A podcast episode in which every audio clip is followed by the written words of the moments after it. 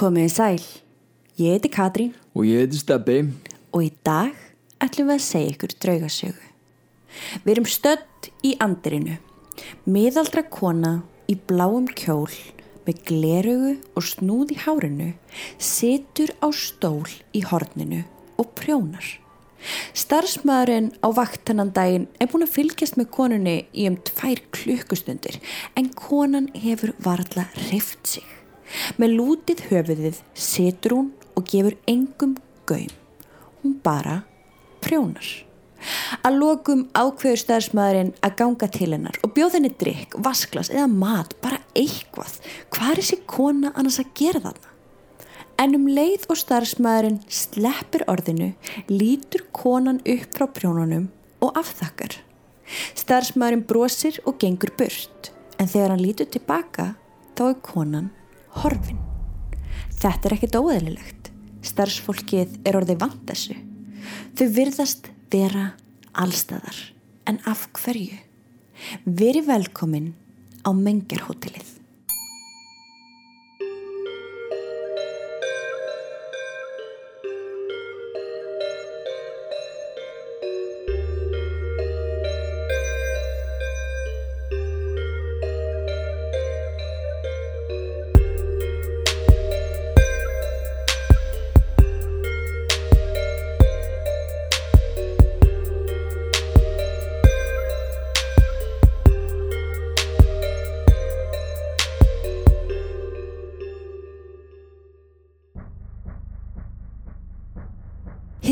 Glæsilega Menger Hotel situr á landi sem er kannski þekktast fyrir að hafa verið vettvangur í sjálfstæðisbaráttu Texas.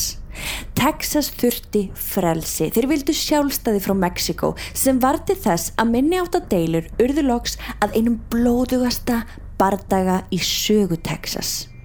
Í februar árið 1836 ákveður mexikoskur hershöfðingi að nafni Santa Anna að kalla til hersinn með það huga að útrýma þessum uppreisnamönnum. Svo þeir mættu til leiks með fjögur þúsund hermenn. Þrátt fyrir að líkurnar væru ekki þeim í hag ákveða hermenn Texas og Tejanos að taka sér saman og berjast á móti. Þeir börðust í 13 langa daga. Hersöðingi Texasmanna, maður að nafni William Travis, fyrir að senda eftir hjálp frá bandamönnum í nálægum ríkjum. Þeir fengu fyrst 32 sjálfbóðarlega að senda en að lokum voru þeir orðnir 200. Bardaginn held áfram í marga daga og 7. mars 1836 brutust mexikoskir hermenn inn í borgina. Með Santa Anna hersöðingja í farabróti réðust þeir inn í borgina Alamo í kirkjuna og brutu purðir með fallbussum. Einn af öðrum fjallu bardagamenn Texasbúa og stuðningsmenn þeirra. Á landinu sem Menger hótelið yrði byggt á 23 árum síðar fjall Alamo-borgin í hendur Santa Anna hersöfningja og allir mennirnir sem börðust fyrir sjálfstæði Texas voru drefnir.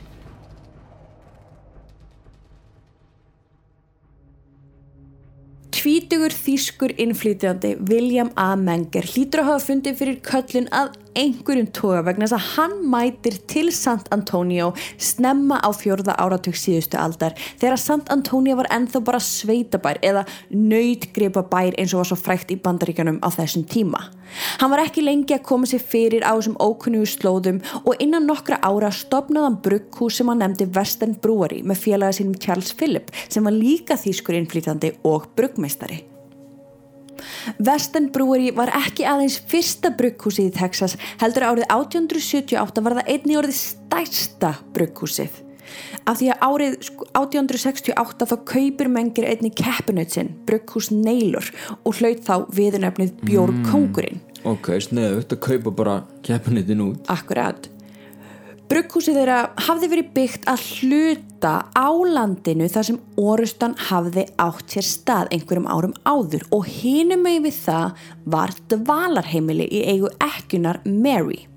Eins og kemur í ljós var Mary einn fyrsta manneskjan sem að Mengir kynnist þegar hann flutti til Sant Antonio.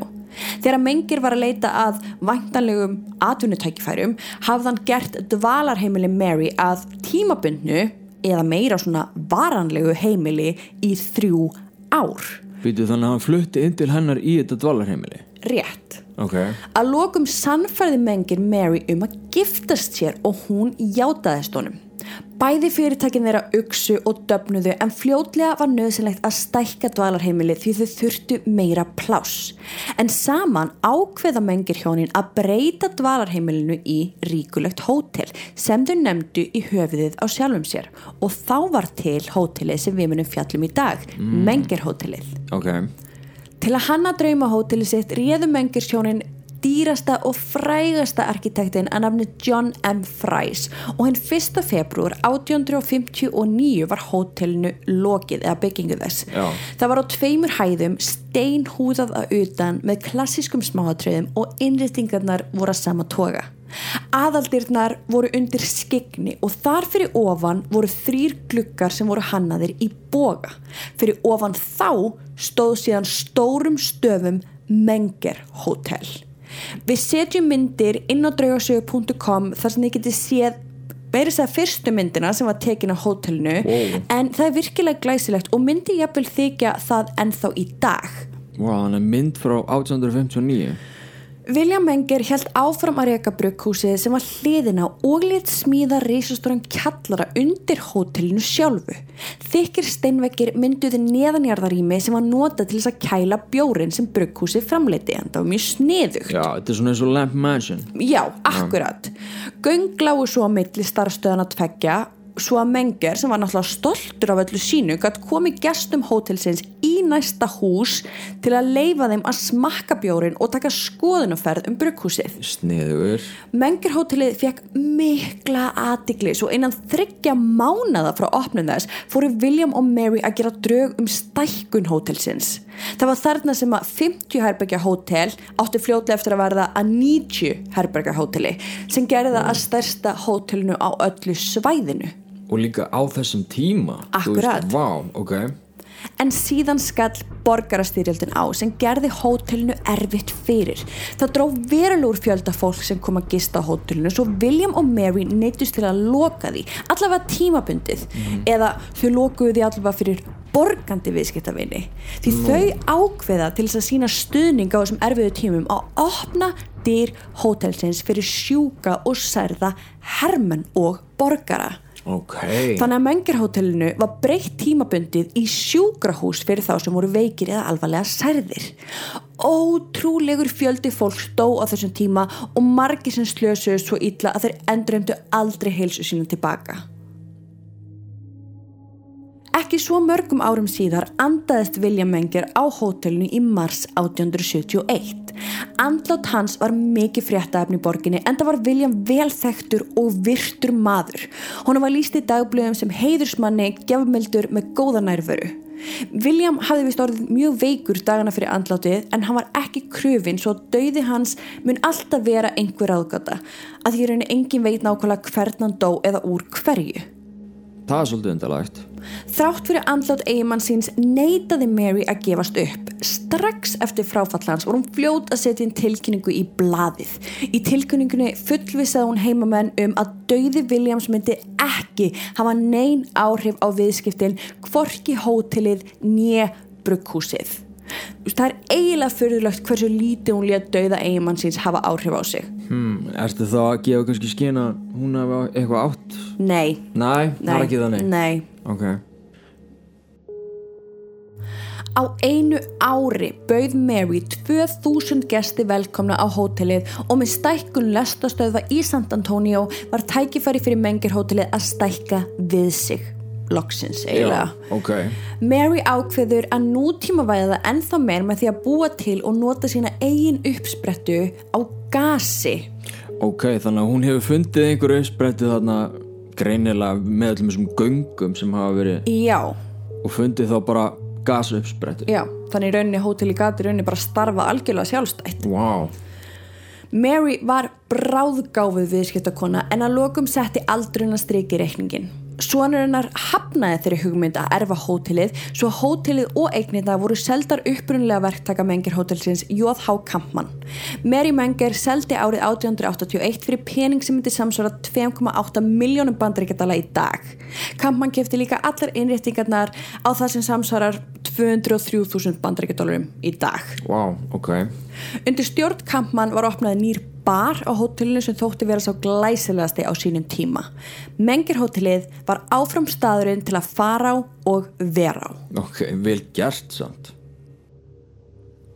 Síðan kom það í blaðinu 15. oktober 1924. Eldur braust út á Mengirhótelinu og þið munið að Mengirhótelið átti sína eigin ólíu og þó að hún hefði raunin ekki borið ábyrð á uppruna eldsins þá var hún alls ekki hjálpa til við að slökkvan ah. þversta móti þá breytist hann hraður út en ella. Úf, ok Eldurinn byrjaði í nýja eldúsinu sem hafi verið bætt við en fljótlega var hann komin upp á aðra hæð og þá þriðju sem varði þess að viðavegginir fjallu saman á samt strómpnum. Það var eins og eldurinn hafi gleift hótelið í heilulagi eða allavega part af því. Sem betur fer gáttu allir gæstinnir yfirgefi hótelið heilir á húfi þökk sér næturverðinum sem áttaði sér fljótlega á eldinum. Hann hljópi öll herbergin, barð á hurðar og sagði fólki að koma sér út. Gæstinnir bröðist misiblega við þessum fréttum og þá sérstaklega eitt gæsturinn sem í móðursíkiskasti hrindir næturverðinum niður stegar. Hæ?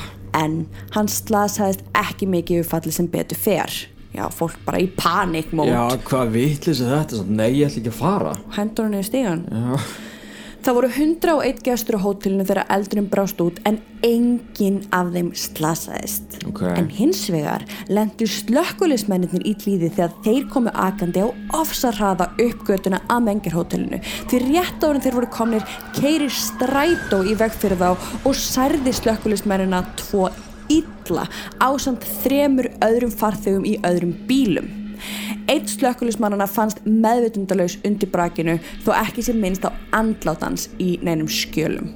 Vá! Wow. Mm, óhefnin. Ekki, ekki smá. Á þessu skrítna landi. Já, landi. bara á slökkulisvolkinu á leiðin á staðin en ekki í húsinu sjálfu. Akkurat. Express fréttablaði sagði frá því að sjaldan hafa slökkulismenn fyrst að berjast í þrjóskari eða stórbrotnari eld. Logarnir umlugtu að sögn alla húsalengina en gamla byggingin sem var fyrst mengirhótelið, mm -hmm. henni var hlýft einhverju hluta vegna. Samt ja. meikar það í lengan sens en það er bara eins og eldurinn hafa ekki viljað fara þangað. Ok, kannski er það út af þessari steinklæðingu þarna sem var upprunalega. Hver veit. En það tók slökkulismenn 45 mínútur að ná einhverju stjórn á eldinum á meðan gestir hlupu um gödunar öskrandi í niðamirkri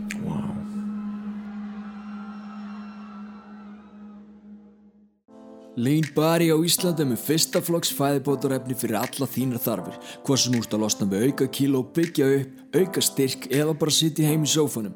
Ég byrja aldrei daginn ef með ískaldri fett burner koffinbomb á mótnana til að rífa mig upp og við hjá draugasögum erum við þetta bálskotin í ghost vörulínunni þeirra.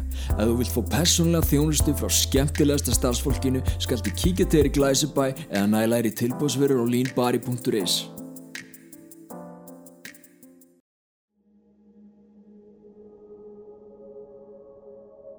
Í gegnum tíðina hefur Menger Hotel haldið áfram að vera eitt fallegasti gististæður í öllu Texas og hefur tekið á móti mikið að frægu fólki á sínu tíma.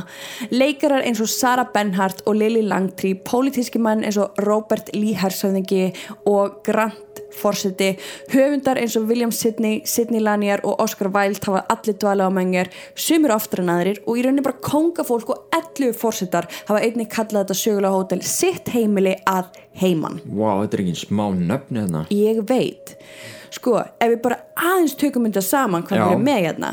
Við erum með stríðsvettfang mm -hmm. það sem sko var blóðugu bardagi. Risastór blóðugu bardagi í mörg ár. í mörg ár, veist, marga daga í senn. Mm -hmm. við erum stíðað með spítala. Já, emitt hversu mörg döðsföll og veikindi og, og margir slasaðir. Akkurat, þú veist, sem í borgarastyrjaldinni já. Og náttúrulega undan þessu öllu er þetta dvalarheimili Já, spáði því. Og núna er þetta hótel. Þú veist þetta er ótrúlegur fjöldi fólk sem hefur komið þarna við og ótrúlega margi sem hafa látið lífið. Já, bara dáið, vá. Þetta er, já, þetta er eiginlega bara uppskrift af reymleika Akkurat. frá svo mörgum áttum og margar ástæði fyrir því Það er svolítið ágreiningur um hversu margir andar ásækja þetta sögufræða hótel eða þetta sögufræða land sem það situr á. Einhverju starfsmenn segjast hafa komist í kynni við allavega 32 mismunandi anda, Vá. aðrir segja 45, en þó að fólk sé ósamála um fjöldan þá eru allir sammála um eitt. Mengirhótelið er stútfullt af órólegum sálum sem eru ekki feimnar við að láta finna fyrir sér. Það er eiginlega ekki til nákvæmur fjöldi gesta sem hefur greint frá því að hafa lent í einhverju óeðlilegu ámengjarhótelinu. Gestir hafa heyrt rattir, kvísl, séð skuggaverur og hvíta þóku og sumir hafa lent í því að sjá gegnsæjar verur standa við rúmgablin að nóttu til. Það er líka þekkt að gestir sjáu svarta skugga standa við hlið sér þegar þeir líta í spegla á hótelinu. Vindlareikur hefur byrst upp úr þurru svo þykkur að fólki finnst að bókstæðlega anda að sér reik. Þungar hurðir hótelsins opnast og lokast það sjálfum sér og nokkri gestir sverja fyrir það að hafa séð rúmin í herbygjónum sínum liftast frá gólfinu og svífa. Wow, ok Það hljómar einmitt svolítið demonic. Ed Warren vinnur okkar segir að við vitum að draugur eru til, veist, það hefur verið sannað. Svo í staðin fyrir að spurja hver er þessi draugur eða andi þá ætti maður kannski frekar að spurja af hverju er hann þarna? Einmitt. Þú veist, kannski skiptir ekki máli hver hann er heldur af hverju hann er. En það virðist vera að starfsfólk eigendur og gestir séu búin að koma sér saman um nokkra anda sem virðast láta finna fyrir sér hvað mest Teddy Roosevelt var mikill aðdándi mengirhótelsins svo mikill að hann heimsótti það þrisvarsinnum nokkra daga í senn. Fyrir þá sem ekki vita þá var Teddy Roosevelt 27. fórseti bandaríkjana en þrátt fyrir það var það fyrsta heimsóknin hans áður en hann var fórseti sem var svo eftirminnilegasta þegar hann kom árið 1898 með The Rough Riders gengi sitt sem var her af sjálfbóðaliðum sem voru í stríði í spænska Ameríkustríðinu. Í dag hefur fólk séð anda Teddy Roosevelt á mengjar barnum af og til ásamt nokkrum mönnumann sem fóru með honum í stríð. Því bara svona smá side note, Já. þeir menn sem að lifðu stríð af með honum þeir hittust á mengjarhótelinu fyrir svona Já. reunion. Það var svolítið þeirra staður. Já, bara svona eftir í lok vinnudags, sem maður segja Akkurat. En Teddy sést alltaf á sama stað á barnum og fólk hefur heyrt í honum líka. Þegar starfsfólk lokar á nóttinu hefur það séð þennan hálf gegnsæja mann byrtast við barinn. Hann reyfist aldrei, hann færist aldrei, en enga síður hefur starfsfólk tilkynnt að það sé eins og þessi vera sé að fylgjast með þeim allan tíman. Stundum er þó draugur Teddy Roosevelts mun háværari. Sitjandi á barnum hefur hann verið þekktu fyrir að vera hrifin af starfsmönnum og þvinga þá auðveldlega til samtals. Í þau fái skipti sem það hefur gerst segir starfsfólk að hann hafi verið mjög eðlilegur í útliti en hann virðist þó bara tala án þess að hlusta og síðan hverfur hann. mm, Þannig líklega ekki intelligent Mæ. Ok Starfsfólk mengar virðist að mestuleiti ekki óttast Teddy en á einu tilteknu kvöldi var það alls ekki raunin. Það var nýr starfsmaður á vakt og honum var falið að loka barnum um kvöldið. Þegar hann var að ljúka við verkið heyrir hann greinlegt hljóð fyrir aftan sig. Svipandi um kemur starfsmaðurinn loks auga á mann byrtast á barnum. Teddy var ekki að gera neitt annað en vanalega en þessi nýji starfsmaður var vissum að enginn væri þann inni og hann var stjarfur af hræðslu þegar hann sér þennan gegnsæga mann stara fram fyrir sig. Hann nærlags að sapna upp kjarki til þess að læðast að útidra hurðinni til þess að koma sér út áður en þessi vera myndi sjá hann. En þegar hann tekur í hurðarhúnin, tekur hann eftir því að hann er læstur inni. Það gat samt ekki verið, en sama hvað hann reyndi, hann gat ekki opnað hurðina. Hann lítur þá aftur fyrir sig og sér að gegnsægi maðurinn sem sat við barborðið stóð nú á miðju gólfinu og starði á hann. Starfsmaðurinn verður svo logandi hrættur að hann byrjar að berja á hurðina af öllu afli. Hann lemur, klórar og sparkar í hurðina en hún hakkast ekki. Aftur lítur hann aftur fyrir sig og sér þá mannin ennþá fyrir aftan sig en hann var greinilega nálgast hann hratt. Það er óvíst hversu lengi hann held áfram að berja og sparka í hurðina nýj er vitað hversu lengi draugur Teddys stóð þarna og horfi á mannin ráðast á dyrna til þess að flýja hann. Þegar að annar starfsmæður heyrilóks öskur vinnufjölaða sín sem hjálp opnar hann hurðina sem var þá ólæst. Starfsmæðurinn dettur í gegnum hurðina og á gólfið og hleypur út úr byggingunni. Hann hætti störfum ekki löngu síðar en áður en hann hætti sagðan vinnufélagin sínum í hverju hann hafði lent og margir sögust hafa upplifað svipaða hluti á barsvæðinu eftir lókun þó að enginn hafi áður eða eftir þetta verið læstur inni. Teddy hefur ekki verið sáttum með þennan kauða. Greinlega ekki. Ekki, ekki góður fyrstu dagar í vinninni. Ó nei.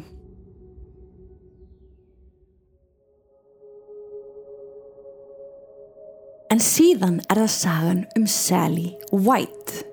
Sally White var einn ástsælasti starfsmæðurinn á mengjurhótelinu seint á 19. öld.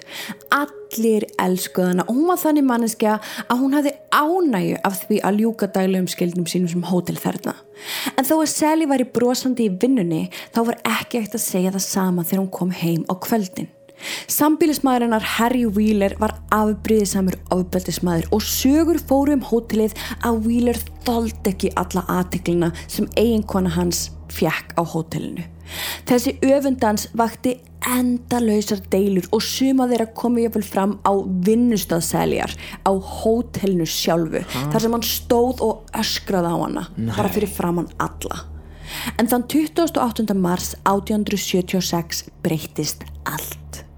Kvöldi áður voru þau hjónstödd heima hjá sér sem var nokkrum metrum frá hótelinu. Wheeler hafi verið að rýfast í Sally sem var svo sem ekkert óðurlegt en þetta rifrildi hafi stigmagnast hratt þar sem Sally ákvað að gera eitthvað sem hún gerði ekki oft, að svara fyrir sig. Wheeler var svo brjálaður að hann gengur að Sally, króar hann út í horn og segir við hana að ef hún segði eitt orð í viðbót myndan drepana. Á einhvern hátt nær Sally að beigja sig niður, skrýða undir Wheeler og hlaupa út. Hún hleypur eins hratt og hún getur og stoppar ekki fyrir hún er komin inn á lauruglustöðuna sem var í grendinni. Þar segir hún lauruglumannunum hvað hafði gerst og þeir samþykja að leifin að sofa í dómshúsinu við hliðina um nóttina og meðan þeir myndu rannsaka málið. En rannsókn á Wheeler sjálfum og húsið þeirra síndi engin merki um nein vopn og það voru engin ummerki um ofbeldi svo að lauruglan fer án þess að handtaka Wheeler. Nei. Snemma næsta morguns kemur Sally aftur heim til sín til að taka sig þess til áður hún til vinnu á mengirhótelinu okay. en Harry Wheeler hafði ekki lokið sér af og nú beigðan hennar með full hlaðana skambissu. Sally kemur auga á hann þar sem hann beigð í eldúshorninu á heimilið þeirra. Hún hleypur eins hratt og hún gat út um dyrnar yfir gardinu og upp götuna. Á meðan hún hleypur beður hún til Guðs að hún komist inn fyrir gerðingun á mengirhótelinu. Hún var svo nálægt en Wheeler var ekki langt undan og að lokum næran taki á hálsunum á henni, hrifsar hann neyri götuna og hann skýtur hana fyrst í neðri hvið og svo aftur vinstra með henni hryggin. Eftir að hafa skotið hana leta hann sig hverfa og hann hefur aldrei fundist og hefur aldrei þurft að gjalda fyrir lífsæljar. En það var starfsfólk hótelsinn sem kom auga og líflösan líkam að selja fyrir utan og þau taka hann upp og bera hann inn á hótelið allavega búið þriðjuhæð þar sem þau ringja á sjúkrabíl en Sally deyr áður en hann kom á staðin. En við vitum ekkit hvað kom fyrir hann vila? Nei, Hvert hann fór aldrei fyrir, nei. Úf. Mary Menger sem var eigandi hótelsins á þessum tíma Já, og alveg. aðri stjórnendur hefðu elska Sally af öllu hjarta svo það voru þau sem ákvaðu að fjármagna útförunennar.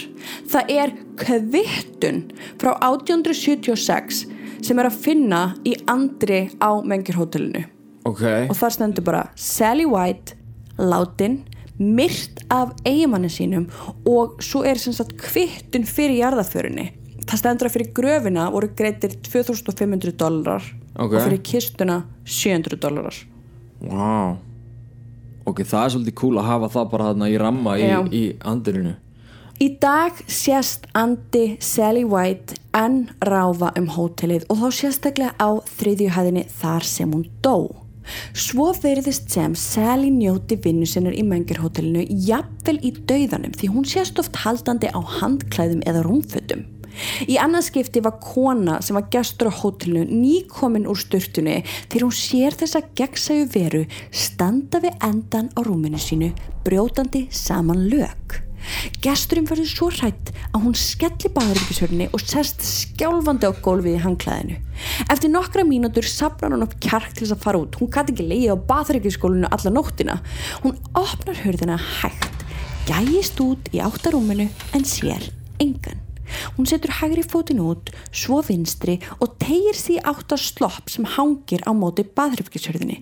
En um leið og hún nær haldi á sloppnum kemur ísköld hönd utanum úliðin á henni og aftur sér hún gegnsægu konuna sem stóð við rúmið hennar fyrir um kvöldið. Þessi gegnsæga vera starir á hana og konan brjálast úr hæðslu. Hún öskrar eins hátt og hún getur hleypur út um hurðina alla leðinir í lobby þar sem hún heimtar að fá að tala við yfirmann strax. Það vill svo til að Mary sjálf var á vakt og Ok. hún reynir að róa gestin með því að segja henni að hún hafi bara séð hana Sally sem hafi verið myrt skamt frá það þarf kannski ekki að taka það fram en gestinum leið ekkert betur að fá að heyra að hún hefði séð draug sem hafi verið skotin til bana Nei, ég getur að trúa því Hún yfirgaf hótelið eftir að starfsmenn fóru upp í herbyggjaðinar og tóku til dótiðinar. Hún ætlaði aldrei að stíga fæti þangað inn aftur. Þetta er allt í lagi, þetta er bara Sally sem að dó hérna Akkurat. Að sjá Sally er vist mjög algeng sjón og svo algeng að starfsfólk er hægt að kepa sér upp við að sjá þessa ungu konu hálfgeggsæja rölda um gangin á þriðjuhæðinni haldandi á hanglaðum eða lögum. Margir heimsækja hótelið engungu í þeim tilgangi að sjá Sally. Svona fólk eins og ég og þú Akkurat. Ok, vá samt. Hún er hérna ennþá bara greinlega labbandi um að vinna sína vinnu Mhm. eins og hún gerði þarna bara alveg þangur til hún dó. -hmm. en já, einmitt ég held að þetta væri residual alveg þangur til hún greip í höndina á henni. Það gæti samt verið að hún hefði bara verið að fara að grípa sloppin þú veist, maður veit Jú, það ekki jú, alveg. jú, það getur verið, það getur verið. Þú veist, að því hún gerði vist ekkit annað en það. Nei, mjög líklega er þetta residual. Við tölum betur um hvað residual er í spjallþættinum okkar inn á Patreon en þú veist, þetta er bara svona endutökin orka sem Já. er bara, já. Endutökin gjörð bara, þú veist, og sérstaklega fólk sem að deyr svona snögglega eins og gerist fyrir Sally. Mhm. þetta var kannski ekkit svo snögglega þannig að því hún greinlega veit að hann er að fara að drepa hana hún hleypur, hún hefur smá tíma til að byggja hún svona gerir sér grein fyrir það ef hann nærinni að þá mun hún líklega að steigja. Mhm. Hversu snögglega þetta er ég, ég veit ekki alveg hvað við höfum að segja. En allavega þú veist, hún er bara lífin er tekið, bara þarna á götunni. Þetta er bara frávik í þínu lífsklukku. Akkurat og það er einhvern veginn eins og hún sé bara ennþá að vinna á hótelinu, þú veist, Mhm. hún er ekki að tala við neitt, hún er ekkert að hún er ekkert að skipta sér af neinu þannig séð, þetta er Nei. eina sagan þar sem hún hefur snert einhvern, Já, og, og einmitt, þú veist, að hún sé að standa við rúmgabla og brjóta saman. Já. Þa, Það hljómar einmitt líka. Hún er bara Residual. Það er gera bara- aftur og aftur og já, aftur. og þetta er bara einn algengasti draugurinn Mhm. þarna á staðnum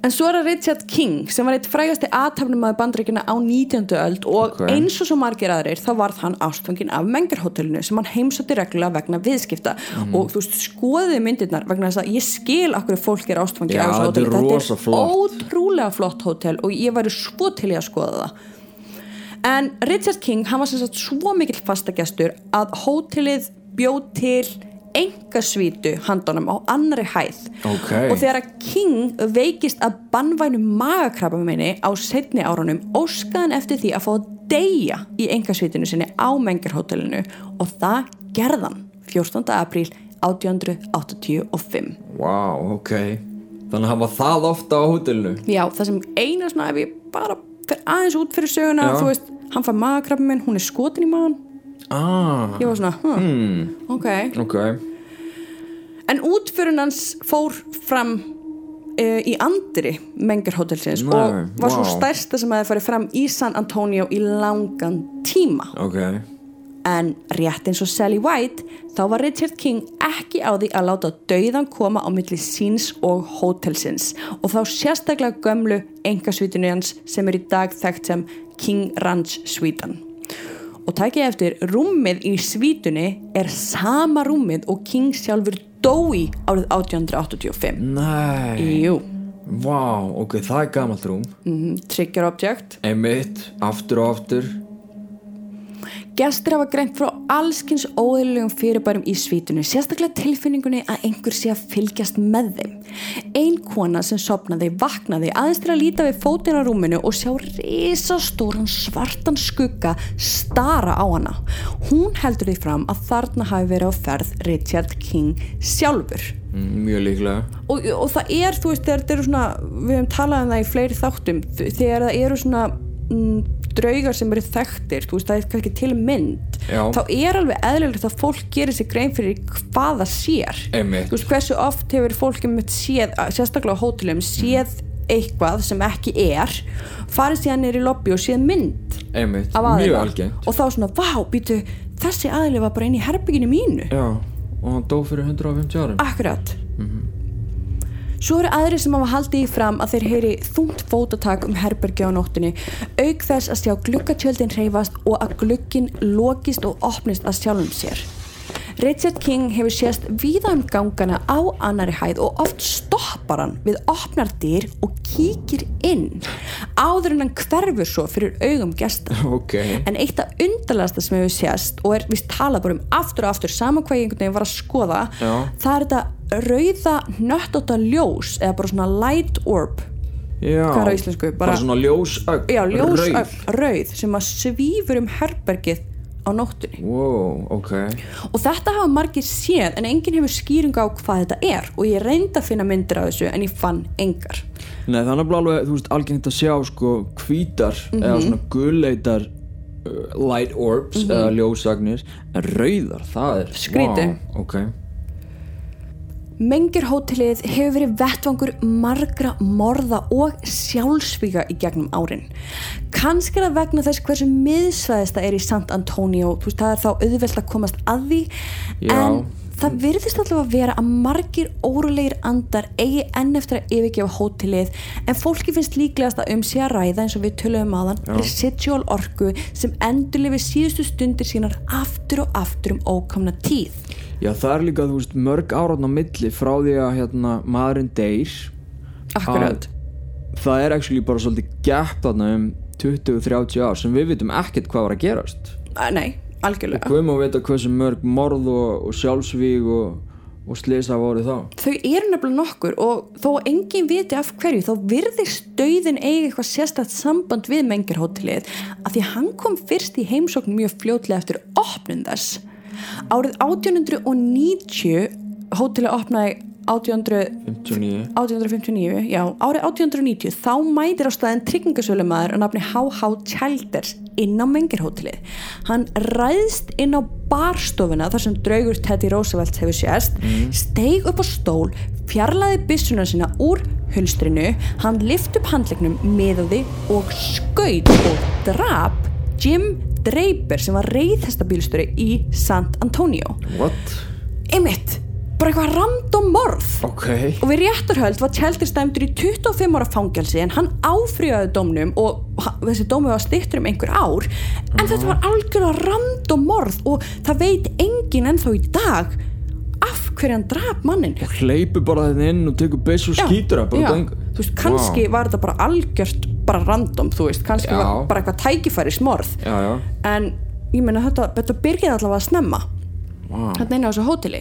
Og síðan var það 1903 og þetta er svolítið skrítin saga. Þá var sagt, drengur, ungu drengur í heimsókn á hérna hótelinu í San Antonio. Ok. og hann var 26 ára aldri og hann var rosalega veikur og hann var semst komin til San Antonio til þess að reyna að fá hjálp við veikinu sínum, hann hefði heyrt að það var Ok. einhverju góði læknar þar og hann geti fengið einhverja hjálp loksins, hann var kvalinn. Já, voru þetta bara svona líkamlega kvillar. Já, hann var bara Ok. veikur. Hann gekk á milli lækna en enginn gætt fundið út hvað var að honum.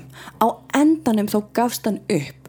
Hann hafði verið gestur á Mengirhótelinu þessa daga sem hann var í bænum og aðfaranótt mánudag 7. september 1903 tók hann upp hníf og framdi sjálfsmorð inn í herberginu með því að skera sjálfan sig á háls.